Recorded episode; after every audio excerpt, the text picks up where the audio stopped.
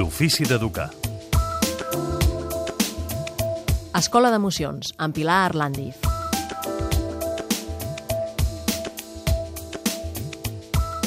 De nou som a l'Escola d'Emocions amb la Pilar Arlandiz, que és psicòloga, és coautora del llibre L'aventura de relacionar-se, un llibre que ens convida a veure que tota la vida ens estem educant, a la vegada que els nostres fills també s'eduquen.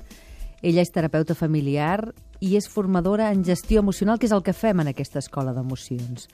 Avui tenim una emoció bonica, Molt bonica. bonica i que ens agrada molt que ens l'apliquin a nosaltres i a vegades ens costa recordar que també l'hem de, de practicar, que és l'agraïment. Exacte. Hola, en primer lloc.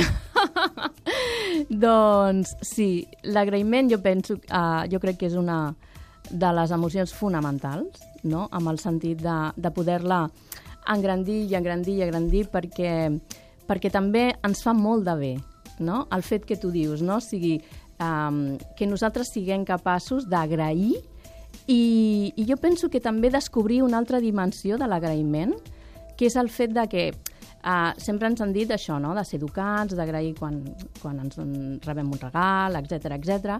però jo, jo crec que hi ha una faceta que m'agradaria comentar-la, que és el fet de agra uh, agrair aquelles agrair-nos a nosaltres mateixos coses també, no? Perquè jo me n'adono, no?, amb, amb, amb la meva pràctica professional, el que a vegades quan li dius a algú, doncs, agraeix aquest esforç que acabes de fer, agraeix aquesta fita que has aconseguit, per petita que sigui, no? I a vegades és com si ni se n'adonessin de que això ha estat real, no? Quan, quan ho poses en conscient i dius agraeix això perquè és un esforç que he realitzat, és com descobrir una cosa, ostres, és, és cert, això ho he fet jo, no?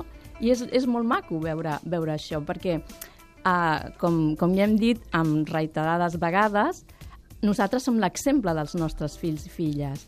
Aleshores, el fet que ells vegin i elles vegin que nosaltres som capaços d'agrair-nos, no? aquestes petites fites, fa que ells també vegin que poden agrair-se aquelles coses que, que ells també fan, per dir-ho d'alguna manera. I aleshores, i jo crec que, que és molt important anar incorporant uh, l'agraïment perquè hi ha un cert tarannà pessimista, anem a dir-ho així, no? en, en certs moments, que, que quan nosaltres realment podem agrair allò que tenim, però allò que tenim no només a nivell material, sinó allò que tenim de dir, ostres, quin somriure més maco que tens, quins ulls tan preciosos. O sigui, que podem agrair moltes i moltes coses, que no acabaríem si poséssim, ens fa sentir bé.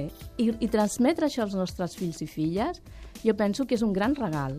Perquè ja et dic, no només és el tema d'agrair el regal, agrair allò que ens donen, sinó agrair eh, no sé, aquests arbres que estem veient ara, per exemple, no? I que jo penso que això constitueix que eh, ens dongui un, un, un sentiment molt més càlid, molt més de benestar, molt més de tranquil·litat, i jo penso que això és molt important de transmetre'ls-hi.